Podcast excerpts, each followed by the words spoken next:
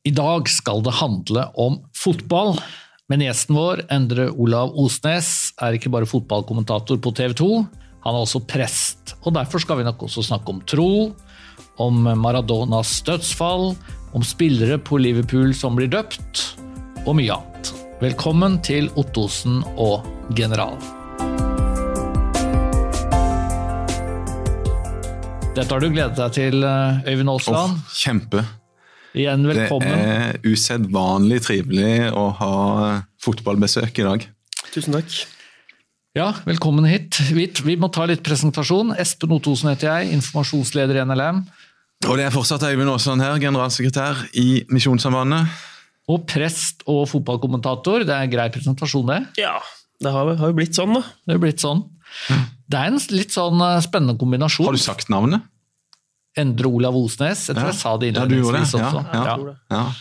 Men, men eh, altså, er det noen som finnes noen andre som du vet om, som har den kombinasjonen som du har? Prest og Um, kommentator? Nei, ikke det, men det har vært noen, det har vært noen fotballspillere som har spilt um, For eksempel var jeg en som spilte i Premier League, og som ble prest. Nå husker jeg ikke akkurat navnet. Det var Mhm. en uh, Norwich-spiller. Så det er jo en del uh, sånne kombinasjoner. Men, Arne Arnevåg er det i eh, Var ikke han i Vålerenga og Jo. Koffa og litt forskjellig? Ja. Nå er han i Oase. Jeg vet ikke, Er han, men han er ikke er han teolog? Nei, han er ikke Han er nei. Men, uh, så det er jo en del sånn- sånne uh, vekslinger. Men uh, akkurat prest og kommentator, den, den er jeg usikker på. Den tror jeg har vært for meg sjæl enn så lenge. Ja. Ja, fin kombinasjon. Vi, vi må jo snakke litt mer om det etter hvert. Men, men aller først Espen, så må vi jo snakke om Kinamisjonsrøtter, må vi ikke det? Jo, fordi navnet Osnes altså, Jeg har bare lyst til å si at uh, jeg føler det er litt sånn gøy å si at uh, i dag, Øyvind, så kan Mm. du fremstå utrolig gammel. Fordi en god kamerat av deg var bestefaren til Endre Olav. Det, det, det er faktisk helt sant. Det går an å si det sånn. ja. Det hadde seg nemlig sånn at eh, når jeg gikk her på misjonsskolen, så ble vi plassert i misjonsforeninger rundt omkring. Så kona mi, Reidun og meg, vi ble plassert i Haldis og Kåre Osnes sin forening på Nordstrand. Da var de allerede pensjonister, da, og vi var et par og tjue. Så, så det ble jo kanskje et litt uh, spesielt vennskap. Da, men jeg vil faktisk si at uh, jeg var stolt over å kalle Kåre Osnes for min uh, gode venn. Jeg satte veldig stor pris på han. Altså, det, det fellesskapet som vi fikk der. Mm.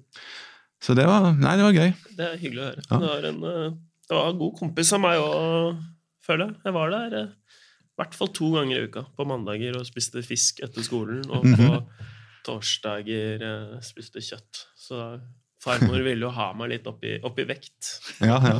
Mente jeg var for radmager, så det var viktig å få litt godt kosthold der. Men allerede da så var det mye fotball på deg? Ja, det var jo det.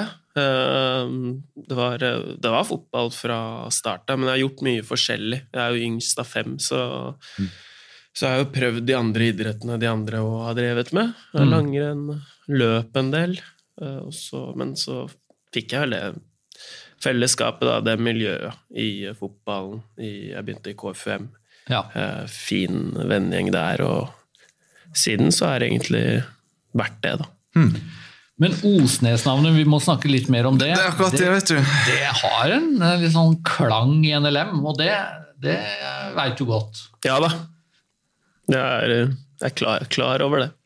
Det er sikkert noen av de som lytter og ser på oss som, som vet litt om det, men, men nok ikke alle heller. da. Men Enok Osnes han var jo en av de tidlige Kina-misjonærene i NLM. Det var din oldefar. Og så kom han til eh, Norge, og så ble han rektor på Fjellhaug. Eh, så det, du har en sterk og god eh, Kina-misjonsslekt. Og, og Kåre, som vi snakker om, han satt jo i hovedstyret til, til Misjonssambandet i eh, ganske mange år. Jeg er ikke akkurat sikker på hvor mange. men... Og du arva boksamlingen hans, Ja. du ikke det? Det har jeg hørt rykter om. Jeg arva deler av boksamlingen hans. da. Han, det var nok litt Til. Kåre? Ja. Ja. Så det var iallfall en to-tre svære esker med bøker. Pluss en kommode som hadde vært i Kina, sa han.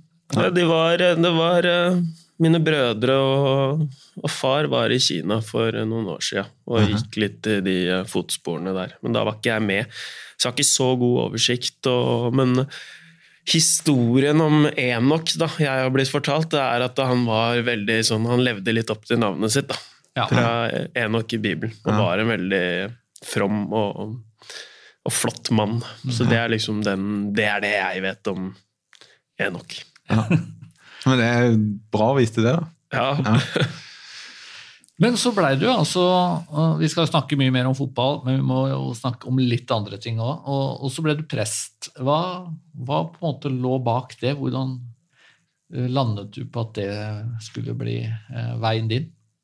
Ja, det er, det er jo et veldig godt uh, spørsmål. Um, jeg, har på en måte prøvd å gi et uh, godt svar på det. Det klinger jo ikke like bra å si at man bare begynner på kristen og grunnfag på MF, og så går man ut som prest, på en måte. Men, um, men jeg, har tatt, jeg har tatt noen bevisste valg på det. Jeg begynte på MF uh, bare for gøy, med, med kompiser, for vi visste ikke hva vi skulle gjøre på kristen og grunnfag. Så gikk jeg på idrettshøyskolen, og der fikk jeg en eller annen grunn en sånn um, ønske da, om Jeg um, syntes teologifaget var spennende Mm. uh, å studere det. Så da dro jeg tilbake, og så og studerte der, og så tok jeg en pause. Um, og var i USA et år og studerte helt andre ting og spilte, var på fotballstipend. Og så hele tiden, når jeg dro bort fra MF, så fikk jeg liksom et uh, ønske da, om å lære mer teologi. Jeg bestemte meg i hvert fall for å ta, ta utdannelsen og se hva som skjer. Uh, og, så, og så fikk jeg var jeg i praksis. Jeg tenkte jo jeg kan aldri bli prest, uh, men så var jeg i praksis, og så syntes jeg det var veldig spennende. Jeg fikk brukt meg selv på en måte jeg ikke trodde. Og Ja, For du tenkte at du kom Ja. ikke til å bli, eller kunne ikke bli Ja. prest? ja, egentlig. Så Fordi du var fotballgutt, eller? Ja, og fordi jeg syns på en måte det virket nesten litt sånn flaut å stå foran en forsamling i prest... Uh, Mm. Alba og Stole og ta den uh, rollen. Uh, Egentlig mange sånn, Men når jeg var i praksis, så, så tenkte jeg at uh, det her er uh, skikkelig ålreit. Uh, så, så her fikk jeg mer og mer lyst, og tre ulike praksisperioder. Så fikk jeg tilbud om, uh, om jobb, da. uh, På, som skoleprest på Rønningen folkehøgskole. Mhm. Og så Det passet meg veldig bra. Med, det var 50-50 fotball og, og prest. Ja, for du har aldri vært prest 100 og kombinert det med Nei, og så, og så begynte jeg i Oppsal, eh, så jeg har jobbet 100% som prest. Men eh, alltid hatt, alltid faktisk, hatt eh, kommenteringen på sida. For jeg begynte å kommentere i 2011, når jeg tok praktikum. Hvordan skjedde det? Så- ja, At hvordan, hvordan blir man fotballkommentator? Det har vi lurt på sånn Det, det, det er nok noen som lytter som tenker at du har drømmejobben. Kanskje du kan komme med noen tips til hvordan Ja, det var egentlig Ja, for min del så Jeg skrev litt sånn der livedekning og sånt for eh, Avisenes nyhetsbyrå, var det da det het? da, eh, Som kommer på den der TV2-appen nå, da. Den teksten fra kamper. ja. Eh, Så jeg var liksom litt inne, og da får man jo litt eh, ja, kontakter og kjenner folk eh, og sånt. Så var det når det gamle Kanal Pluss, da, de hadde jo Premier League-rettighetene, mistet de rettighetene. eh, Men så kjøpt, og da mistet de også kommentatorer. Eh, Og så kjøpte de spansk og italiensk fotball, og da manglet de kommentatorer. Så er egentlig min venn Per Jarle Heggelund, Ja. som eh, kommenterer litt, som jeg ble invitert da, på audition med eh, sammen med bl.a. Simen Stamse Møller, som jobber i TV 2. Så vi var der og, kom oss inn den veien. Og så mistet jo de rettighetene, og da tok TV 2 kontakt. da. Mm. og da kommenterte jeg Eliteserien, og så, så ble jeg på en måte hentet derfra til Premier League. Da. Og det er, jeg, det er jeg fornøyd med, fordi det er jo på en måte Det er jo Det som er ligaen. det er jo den beste fotballen, synes jeg. Da. Ja. Ja, du syns det? Ja. Du har kommentert litt Bundesliga og, og Ik ikke Bundesliga, men eh, Spansk og- spansk, italiensk eh, Serie A. Men jeg har kommentert uh, Bundesliga-lag i. Champions League og sånt. Så, så det er eh, Men jeg syns Premier League altså det er den med, ligaen med mest interesse også, eh, i Norge. Man vil jo gjerne være der man mener den ypperste fotballen spilles, og hvor det er mest trøkk. da. Men nå er du bare fotballkommentator, men det er ikke så veldig lenge siden du ga deg som prest og, og ble fullt ut kommentator? Nei, det var i, i fjor. Så da, da tenkte jeg nå er det Det var mange sånne tøffe helger, da, egentlig. Ja. Og, og også i ukene hvor du må forberede deg, og hvor det ble litt lite Litt mye jobb, da, litt lite liv. Så da måtte jeg ta et valg, eh, og da tok jeg det jeg syntes var morsomst. Eh, og det syns jeg er kommenteringen akkurat da, og så kan man heller gå tilbake, tenker jeg, hvis eh, Men har du kjent litt sånn på at noen syns det er litt skuffende? Altså, er fotball blitt viktigere enn Gud nå? Type spørsmål? Jeg fikk noen litt sånne kommentarer fra noen eh, Så Men ikke noe sånn veldig Men har du noe kvale med det sjøl? Liksom? Sånn. Ja, jeg tenker jo litt på det, eh, på en måte. Um, hva Ja, jeg, jeg, jeg tenker på det av og til. Det, men det er jo naturlig, tenker jeg. Hva er det Gud vil Eller bruker meg til, og jeg, jeg, følger jeg på en måte planen nå, eller kjører jeg min, min egen greie, eh, og alt sånt. Men uh, akkurat nå så bare kjører jeg på det som gir meg energi, og så tror jeg at det å være kristen, det kan man være overalt. Og for å være helt ærlig, så synes jeg faktisk det har vært litt uh, deiligere å, å ikke jobbe som prest òg. Jeg syns egentlig det har vært eh, litt lettere å lese Bibelen, jeg synes det har vært lettere å be. Jeg synes det har vært uh, Føler nesten fromhetslivet og har få- har fått seg et løft. Da. Eller, altså, det, det er liksom, du har liksom ikke det derre For kristendom kan jo bli på en måte en jobb. Altså Man Ja. åpner bare Bibelen fordi man vet at i morgen skal jeg tale. Ja, eh, og sånn, sånn ble det jo. Ja. Og det syns jeg er deilig å egentlig kunne mm, bla opp i, i Bibelen og bare sette Ok, nå setter jeg av en halvtime, da, eh, til å eh, være sammen med, med Gud. Og, og det var jeg aldri da jeg jobba som prest. Mm. Så, så det, det syns jeg har vært eh, ålreit. Men jeg tenker jo ja, hva Men akkurat nå så bare kjører jeg på. Mm. Og så driver du litt med pod òg. Det bør vi nesten reklamere for, kanskje, når du er på besøk i vår pod. At du, du har jo erfaring med dette. Det er Premier League-podden. Ja, TV2s Premier League-podkast. Der er jeg i hvert fall med en del. Så, så der snakker vi om eh, runden, eh, runden som har vært, og ja, stort sett hver mandag. Så Det er bare vi, er ofte ledige med, altså, så det er bare å invitere Ja. hvis du trenger noe sånn, litt sånn ekspertkommentarer. Så. Altså, du Du stiller du, Espen? Ja Du, du kan ikke fullt så mye som meg, men det Nei, jeg har jo jeg har litt mer avdempa engasjement. Ja. Fordi for du klarer jo, ville jo aldri klart å være ekspert. Du, hadde jo, du ser jo alt med, med Manchester United-briller. Og, og der skal jo du plukke en høne. Skal du ikke det også? Ja, nei, det var Jeg har skrytt litt til Espen, da, at nå skal jeg ta han Osnesen litt når han kommer her. fordi jeg hørte jo Du kommenterte Newcastle, Manchester United. stemmer. Og, og resultatet ble, så vidt jeg husker, 4-1 til de røde. Ja. Du vil heller snakke om denne kampen enn en den som var i går. Champions. League. Ja, med slikke sår av etter den Champions League. Men, men, men da, jeg hadde jo fått høre fra Espen at antageligvis var du Newcastle-supporter. Mm. Og jeg, jeg syns jo at det skinte litt gjennom på kommenteringa di.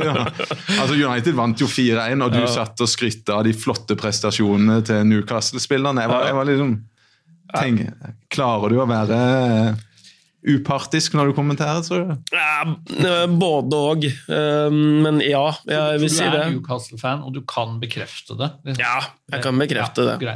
Mm. Og den første kampen jeg, jeg, jeg, hadde, da rykte faktisk Newcastle eh, ned. Så det her, det her, går, men Det er tungt. Det er veldig tungt. men eh, jeg synes jo at um, de som setter seg ned, da, Newcastle-supporteren, og trenger uh, like mye oppmerksomhet som uh, Manchester United-supporterne, så det føler jeg jeg kan bidra med. Og så har jeg også fått mye krass kritikk òg, faktisk fra Newcastle-supportere. Fordi jeg kanskje overkompenserer ja, litt noen ganger og ja. blir ekstra kritisk til laget. Men jeg prøver, og egentlig så så, så, så, glemmer man det litt uh, Eller man glemmer det, uh, men så er det sånn man kan sitte, Jeg husker ikke hvilken kamp det var, men det var Newcastle som fikk straffe imot seg helt på tampen.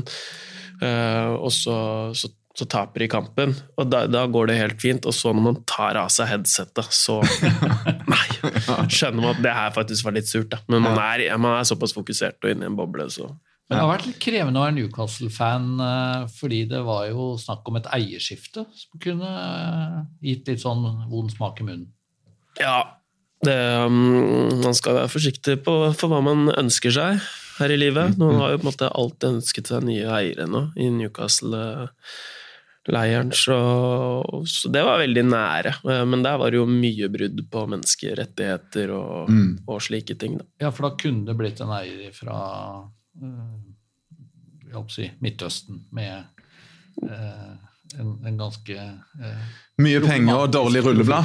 Ja, ja. Eh, ja, problematisk uh, rulleblad. Det er vel godt, uh, godt oppsummert. Så, men uh, slipper man å ta stilling til det da, når det ikke ble noe Men det er sånn det, for meg så er det litt sånn vanskelig med den enorme kommersialiseringa av fotballen og, og, de svimlende beløpene. Altså spillere som blir solgt og kjøpt for en milliard kroner nå etter hvert. og sånn. Og det, er, det, det, er, litt med bismak av og til. Eller, hvordan forholder du deg til det? Nei, det er jo, det er jo mye, mye penger, penger, i spill. Og det er jo en idrett som bør, bør være for alle. Men jeg tenker sånn det er mye Hvem var det? Var det jo, Mark, uh, Bielsa, uh, Leeds-manageren, han, mm. han, tok jo alle spillerne og så sendte han de ut. og så, Nå plukker dere søppel ja. i tre-fire timer, og så kom de tilbake. og Så, så mye må man jobbe. En vanlig uh, arbeider jobbe for å få råd til å gå på kamp og se dere spille. Mm. Så, så, det er jo litt Det koster jo. Men jeg tenker òg det er ganske mange spillere her som gir mye òg. Altså, jeg vet, Cristiano Ronaldo han bor i svimlende luksus, men han gir ganske mye tilbake. Du ser også de klubbene her um, Åssen de bidrar i, i samfunnet. Mm. Uh, Marcus Rashford uh, som uh, starta en kampanje som uh, ordna mat til, til skolebarn. Mm.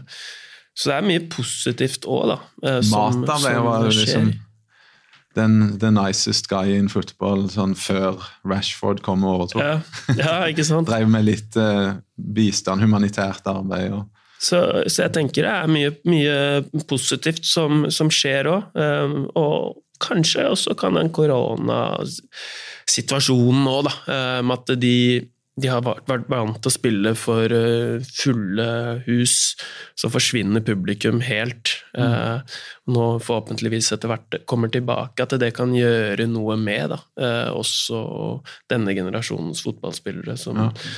som skjønner at det er, det er ikke noe man kan ta for gitt. Da. Nå det 2000 tilskuere på i hvert fall noen kamper i Premier League nå i helga.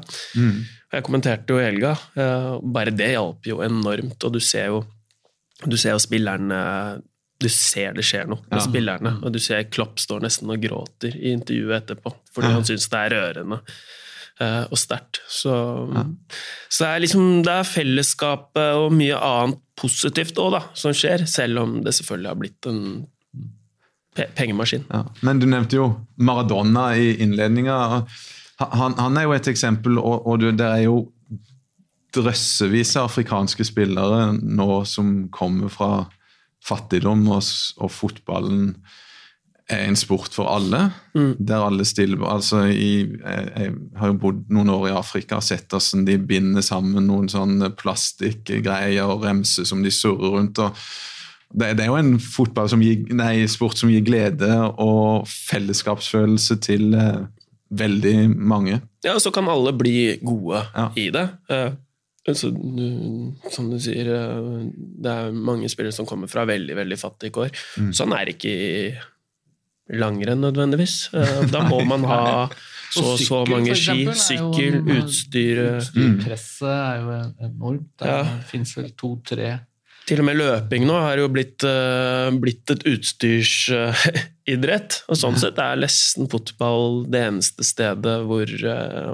jeg føler eh, Altså, ja, du kan komme fra ingenting, da. Ja. Du, Øyvind, nå har, vi gått vel, har vi gått fra å da bli kjent med å presentere Endre Olav til å snakke veldig mye fotball. Sømløst. Men vi pleier jo å ha en spalte som heter Løst og fast. Det Ja. ble vi i hvert fall enige om sist at den bør hete. Men du mener at vi bør ikke kaste bort tiden på noe annet enn fotball i dag? Nå, når vi har Osnesen her, så syns jeg ikke vi skal ha så mye løst og fast. Men skal vi varsle at det er ikke så veldig lenge til det kommer en ny pod, og da skal det handle om eh, jul. Det er jul. Og så skal vi oppsummere høsten litt, for vi Ja. sitter jo her og, og, og har et litt behov for å kommentere litt av det som skjedde i forrige episode. Ja, For for da eksempel. hadde vi en humanetiker på besøk og snakket om aktiv dødshjelp, og det tror vi ble en veldig bra episode. Ja. Men uh, han uh, var jo litt sånn eh, Det kom noen sleivspark. Ja, det var, noen ting det. det var noen ting det ikke var naturlig å ta der og da. i den, det var, Han var jo en usedvanlig trivelig fyr og hadde gode ting å komme med. Men, men noe som kanskje ligna litt på sleivsparker, som, som vi kan snakke litt om til jul. Vi tar, vi tar tar en oppsummering neste gang, men, men nå, er det, nå, nå skal det gå i fotball. Ja. Ja. Du, jeg har forberedt et spørsmål eh, til deg her. Som, det er jo, som, som jeg nevnte før, en del av våre lyttere seere som bryr seg katten om fotball. Det kan ikke være mange, men de fins. Ja, det fins det finnes nok en del. Ja, okay. Og, og, og de, de er litt skeptiske til at vi driver og, og, og lefler litt med fotballen her. Sånn. Hvordan vil du forklare gleden og fascinasjonen din for fotball til en som er helt uinteressert og tenker at det, det her er bare tull og fjas og vås å være interessert i? Nei, eh, det var faktisk eh, Jeg var kommenterte kamp i England. eh, Arsenal-Tottenham, som endte da 4-2 til eh, Arsenal. Eh, Og så var jeg ute da og spiste med eh, tidligere biskop Per Arne Dahl og, og hans barn. Og han sa jo da, fordi de hadde da vært i kirka, og så vært på kamp. mm. og han sa jo da at de har noe, kirka har noe å lære av fotballen. Den euforien, eh, alle oks oksytocinene som bare frigis. Da. Mm. og du kan stå der og juble sammen med en vilt fremmed. eh, Stå og klemme på en vilt fremmed. Jeg husker jeg var i Valhall når Vålerenga spilte kvalik for å unngå da nedrykk til førstedivisjon. De måtte flytte kampen inn. Og det var en helt ellevill kamp. Og da sto jeg da og klemmet folk jeg ikke visste hvem, hvem var. Mm. og man deler liksom Så nå røper du også at du er Vålerenga-fan, da. Ja, det gikk eh, det, det får bare være. Så det, forklarer vel noe. eh, den fellesskapsfølelsen der, og det er en, det er en rus, da, Mm. eh, egentlig. Og så er det jo Men kan det bli en avgudsdyrkelse? For det vil jo disse, disse skeptikerne kanskje sitte og tenke at ja, men, men da, blir, da kan jo folk velge fotball istedenfor tro, da, fordi at eh, man får litt den samme Jeg var jo på Anfield en gang og så når de sang 'You'll Never Walk Alone'. Jeg deltok selvfølgelig ikke, for det var så vidt jeg ville gå på Anfield. Ja, det det var- det var en, det var en europacupkamp der Brann kom og spilte mot eh, Liverpool. De hadde slått de i Bergen, tror jeg faktisk, og så kom de og ble knust i, i Liverpool. da. Men, men det, det, det minner jo veldig om religion. Ja, det har jo mange, det har jo mange felles, eh, felles eh, trekk, eh, sånn sett. Så det er jo på en måte Nå syns jo jeg liksom religion ikke er så dekkende begrep. Da, som, som, Mm. som kristen så er jeg på en måte mer opptatt av å følge Jesus altså, enn Men det har jo veldig mye fellestrekk med religion. Men, Hvis men man tenker sosiologisk, på en måte. Mm. Men, mm. Ja, jeg var jo i Napoli, eh, dere nevnte Maradona, var i Napoli eh, for å kommentere kamp og gjorde en reportasje først.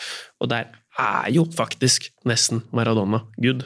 En egen sånn kult, eller Og der, der finnes det jo kulter som til, tilber uh, Maradona. Og det er ikke bare på tull. Det, det er Nei. faktisk Ja, men det er jo selvfølgelig veldig smalt, da. Ja. Men uh, jeg tenker at de Den, den eh, parallellen man kan trekke mellom religion og fotball, er en positiv greie, da. For du, du har fellesskapet, du har venner der, du Du Det gir deg glede uh, i livet. Mm. Uh, og og det, det trenger man jo bare sånn nå under eh, korona og sitte uh, alene og at det går en kamp på TV, da, det er jo viktig. Mm. Hvis man er på sykehuset helt alene, så er det viktig å se en kamp. Det er viktig å ha venner rundt seg som også bryr seg om det samme. Så jeg tenker det kun er udelt positivt, da. mm. Og at det er noe å lære, da, også av eh, kristne fellesskap når det gjelder altså, hva idretten byr på. Ja. Og, og det, det, jeg var enig da, med Per Arne Dahl at uh, kirka eller, kan by på litt mer uh, lettbeint uh, begeistring, da. Mm. Men, men det er jo litt sterkt å høre deg si at uh, fotballen byr på så mye glede når du har heia på Newcastle. Fordi det, det er jo mange Ja. tap òg, da. Men det er jo eh, blir det, liksom gleden over en seier er den større enn frustrasjonen over et tap. det er jo mye smerte òg. Så det er jo mange kavlinger, kavlinger, her. eh. Men eh, man lærer seg på en måte å håndtere det, da. Man eh, går liksom til kamp med litt andre forventninger. Men denne podkasten skal jo da handle om fotball, det er vi blitt enige om. Men så er det jo da en podkast som også handler mye om tro. Og den enkleste måten å koble sammen tro og fotball, det er jo å snakke om kristne fotballspillere, kristne Ja. trenere, eh, den slags. Eh, og da må vi til Liverpool veldig raskt, eh, Øyvind. Så sånn sett har jo du egentlig valgt feil lag. Ja, det er jo pastor Fred, da. Han lille brasilianeren, han, kaller det, han har fått uh, kallenavnet pastor Fred. Ja, han, For han er tydelig.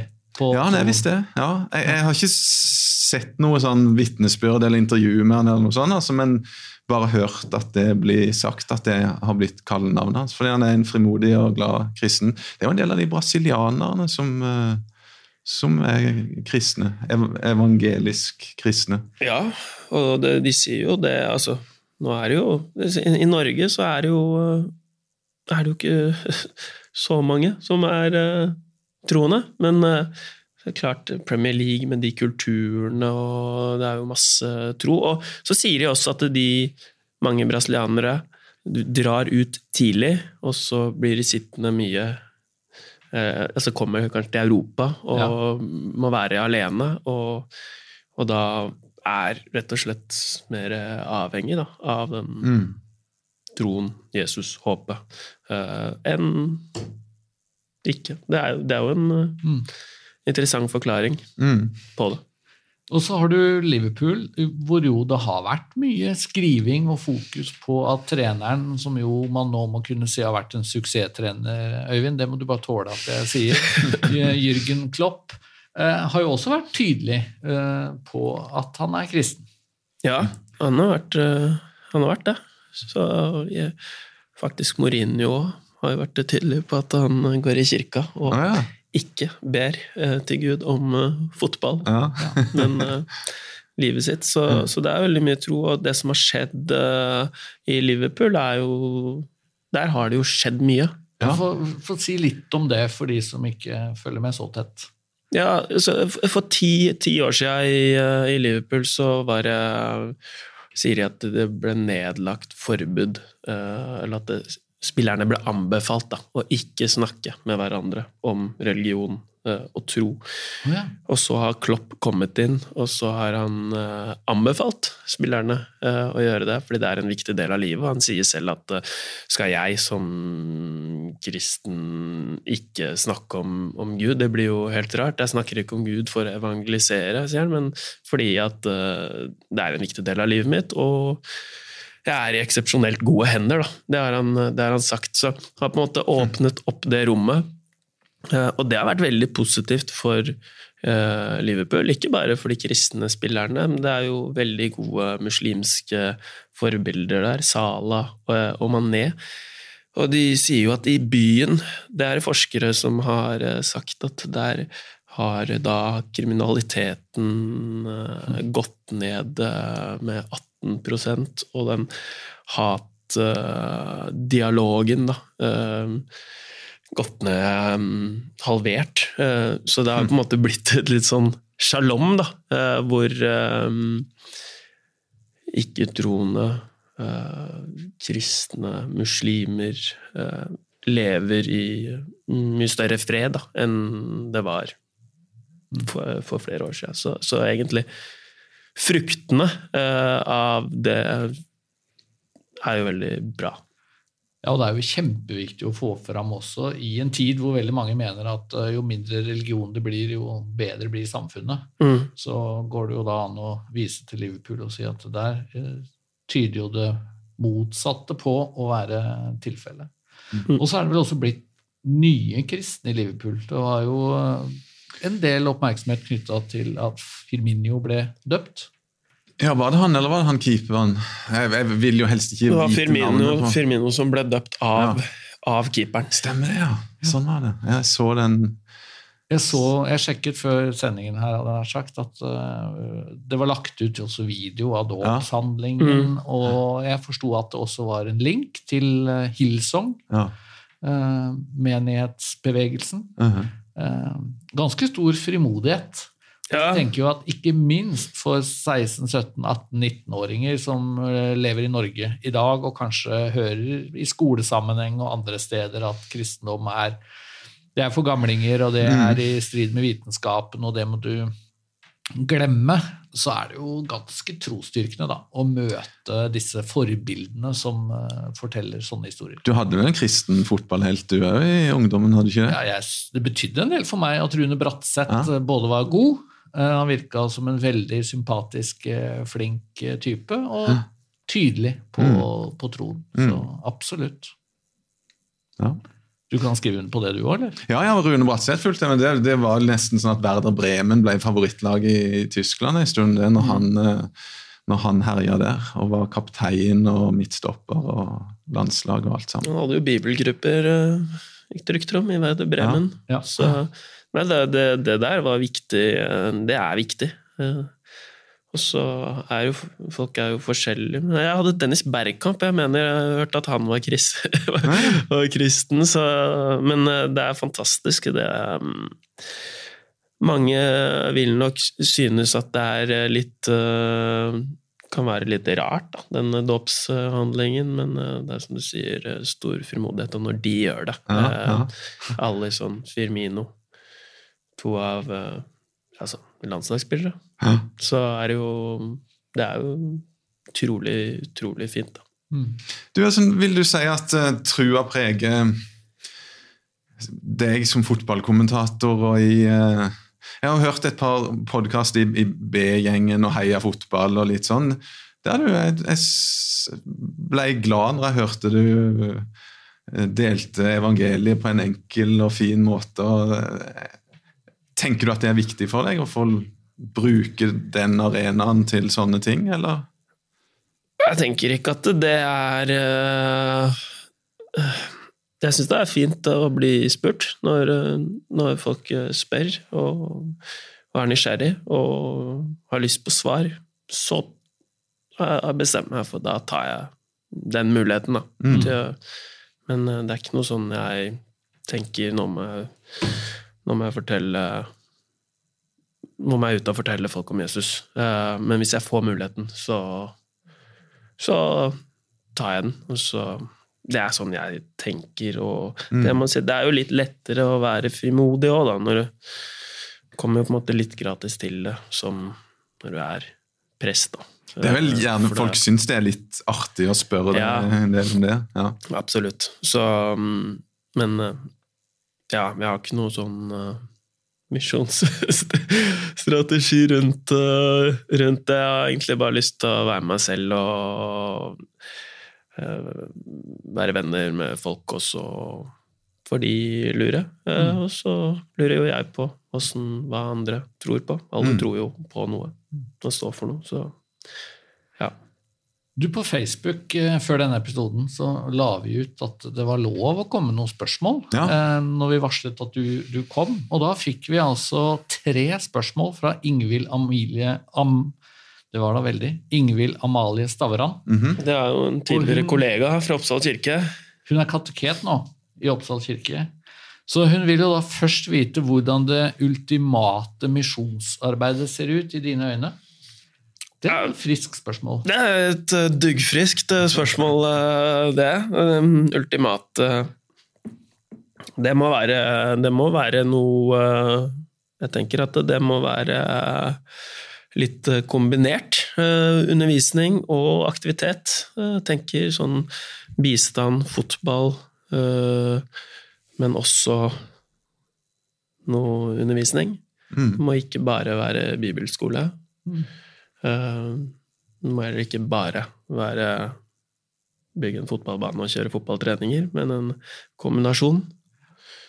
Altså god mat, det tenker jeg. Jeg tenker aktivitet, eh, fotball, eh, undervisning, og så tenker jeg ja, god mat, eh, det er liksom det er egentlig min kjepphest. Hvis jeg hadde hatt mye penger eh, på bok eh, eller eh, budsjett og drevet kirke, så hadde jeg egentlig bare kjørt på med en festgudstjeneste fredag, og så et sånt skikkelig godt uh, god middag, og så tatt helg på det. Da Da tror jeg det hadde kommet veldig mange fra jobb, slitne, hatt en festgudstjeneste, fått seg et godt måltid, fellesskap, og så litt sånn hente inspirasjon fra sabbaten. da. Men Ingvild Amalie i Oppsal, hvor du også var, der har det jo vært et ganske sånn offensivt ungdomsarbeid også, hvor, hvor det å bygge vennskap med, med ungdommer har stått veldig sentralt. Ja, og det, det må jeg si, det har faktisk blomstra skikkelig.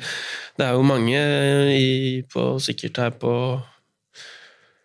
Fjellhaug og sånt, uten å, ja, mens vi ikke vet om altså, disse flotte menighetene, da, som, som Oppsal. Da. Eh, Vi hadde masse ungdomsledere fra, fra nettopp eh, Fjellhaug som eh, har vært aktive der, og egentlig møter eh, ungdom der de er, da, og, eh, og gjennom gode vennskap så, så blomstrer det. Så det, det syns jeg er helt fantastisk. Og bare det å kunne være konfirmasjonsprest på leir Mm. når du har så mange bra ledere Mm. uh, som kunne gjøre oppgavene, og da bare gå rundt, egentlig, Ja. og være prest.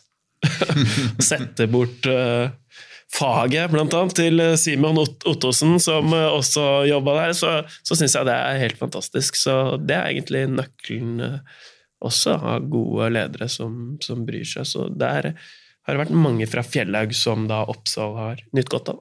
Hm, Så bra. Men det er enda et spørsmål. da. Nå, sitter, nå la jo du fra deg PC-en, Øyvind, og tenkte Ja. at dette her skal jo være en festepisode. Ja, ja, det her er bare gøy. Du trenger ikke manus, da. Men, men jeg har det foran meg, da. Ja. Og da skriver altså Ingvild Amalie eh, at hun følger deg på Strava. Mm. Det er jo da eh, et sted hvor man logger treningsøkter, for de som ikke Aldri hørt om. eh, følger nøye med på det. Og sier at du har hatt en enorm fremgang løpemessig siden 2019. Og vil vite hva er det som ligger bak dette. Hva som ligger bak, det har jeg, det har jeg faktisk. Eh, Det startet vel med at eh, din sønn Simeon eh, hadde begynt å løpe litt. Og så sa jeg at da skal jeg jo begynne å løpe. Skal jeg slå, deg, slå han i, på sentrumsløpet. Skulle jeg under 40, og så klarte jeg ikke å komme meg under 40, så det ble 41,36. Og så har jeg bare da Du ga deg ikke etter det. da ga jeg meg ikke, og så kom jeg meg under 40 da, på hytteplanmila på på Du lå høsten. litt bak Ingebrigtsen-gutta. Lå litt bak. eh, de løp vel også den? de løp den. Vurderte å bare henge meg på i første kilometeren der for å få litt TV-tid, hvis det hadde vært eh, mulig. Ja. Eh, Men eh, også har jeg under koronaen så ble jeg på en måte sittende, for da hadde jeg slutta som prest, og så satt jeg og var fotballkommentator eh, uten kamper å kommentere. Mm. Så da gikk jeg ut og løp hver eneste dag, så da fikk jeg faktisk et eh, godt løft. Da. da løp jeg mange uker på rad med eh, hvor jeg løp over 100 km, og da får kondisjonen seg et løft. Så svaret på det her er jo da den lockdownen. Det er ikke noen snarvei. Du må ut og løpe hver dag. Ja, altså, det er bare å snøre på seg. Det er som Mats Kaggestad uh, sa til meg, at uh, Må huske det at hvis, uh, hvis trening hadde vært en uh, pille, så hadde jo alle tatt denne pilla. Og det, det er sånn jeg tenker. Sånn hvis hodet ikke er helt på plass og mm, føler seg litt tungt i sinns og sånt, så går jeg faktisk ut og trener, for da veit jeg at jeg får en bedre dag. Mm. Litt mye løpemisjon der. Ja.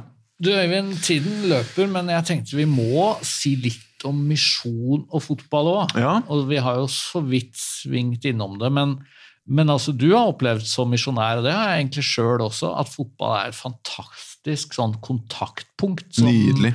fungerer over kulturgrenser og den slags. Det er det. Vi, i, vi var i Kenya da, som misjonær der. Og der, når det var VM i 98 det, det, Da um, fant vi ut, jeg og et par kenyanske kamerater, at nå, nå, skal vi, nå skal vi gjøre noe for lokalbefolkningen. For ikke, vi bodde langt inn i bushen, så det var ikke mye TV. og sånn. Så greide vi å få inn signalene. Vi hadde en ca. ti meter høy sånn påle som er heist opp i et tre og opp sånn med ei vanlig sånn analog antenne. Fikk vi signal, og så lånte vi en TV, for det hadde vi heller ikke, og et dieselaggregat, og kjørte i gang og, og viste alle kampene i, i VM i 98. Og så var det gratis andakt i pausen, da. Så det var, det var veldig gøy, altså. Og, og, og Solskjær og Manchester United, vet du. Altså, for du var jo i Kenya på United sin virkelig storhetstid. Ja, ja. Så, jeg, jeg, men jeg var ute og reiste i Etiopia. På sånn, det var sånn virkelig øde. altså. Og på en liten markedsplass der så var det en liten gutt som hadde en sånn type ball som jeg snakka om før. sånn Surra sammen noe plast og noen filler og noe greier. Og så begynte jeg å trikse litt med ballen. og sånn, men jeg, jeg, kunne ikke språket hans eller noen ting. det var... Og, og, men sa Manchester United og Solskjær, og det var liksom den kontakten med en gang. vet du, Det var utrolig artig. altså. Solskjær er nok Norges, nei, verdens mest kjente nordmann. Han Ja. var iallfall en stund. Nå er det sikkert igjen. ja, det må han jo være. Ja. Nei, Jeg husker veldig godt sjøl fra Peru hvor, eh, hvor utrolig viktig eh, fotball var. Og eh, jeg har aldri fulgt Premier League tettere. Enn da jeg gjorde da. For da, da hadde vi det på TV, og med utrolig entusiastiske fotballkommentatorer. Og kanskje kunne jeg også si at da satt jeg og hørte spansk da, Mm. i halvannen time, så jeg fikk jo liksom eh, forbedret eh, spansk.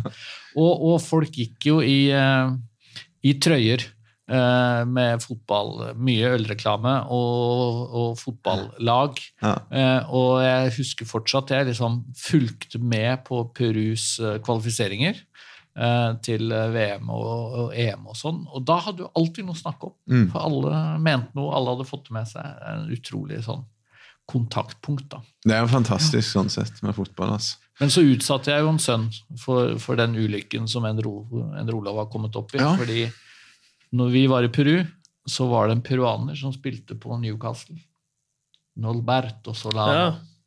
Og det betyr at i Peru så var det Newcastle som var det store laget. Det er krise, Så altså. jeg, eh, til jul så kjøpte jeg trøye til en eh, sønn, og dermed ble han Newcastle. Da var det gjort. Det var, da var det gjort. Ja. Altså. Ja. Men du, litt om Premier League-sesongen nå. Vi må ha tid til det. ja, sånn og vi har jo fått et spørsmål, Spørsmål om om Tottenham. Tottenham. ja, klar, Holder de helt inn? Ja, ja jeg, jeg tror litt eh, på Tottenham. Eh, jeg, jeg, jeg, må jeg si. Jeg har troa på Mourinho i den andre sesongen, eh, og åssen laget hans ser ut. Så Han bruker å vinne i andre og bli sparka i tredje. Ja.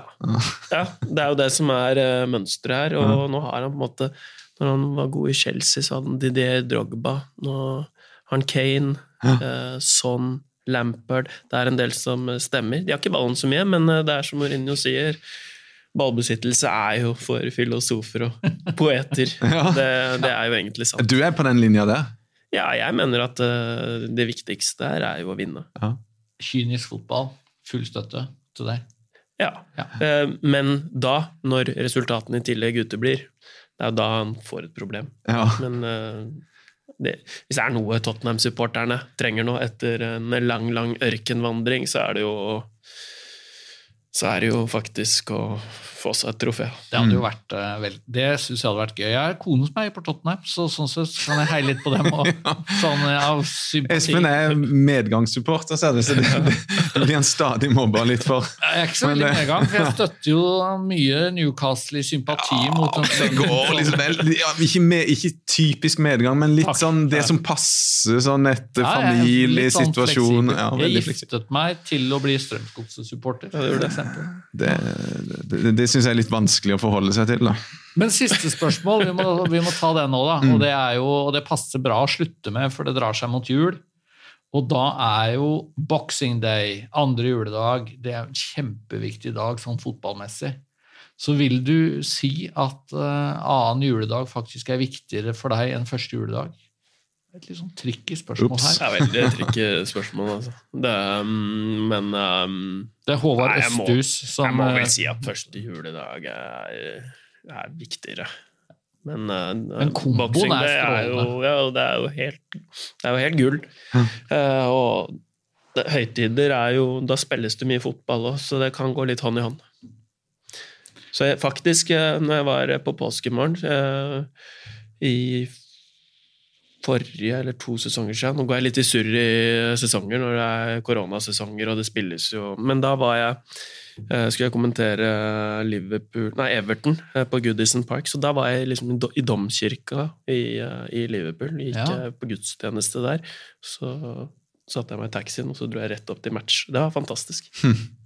Jeg har gjort akkurat det samme i Manchester. jeg må si det. Mm.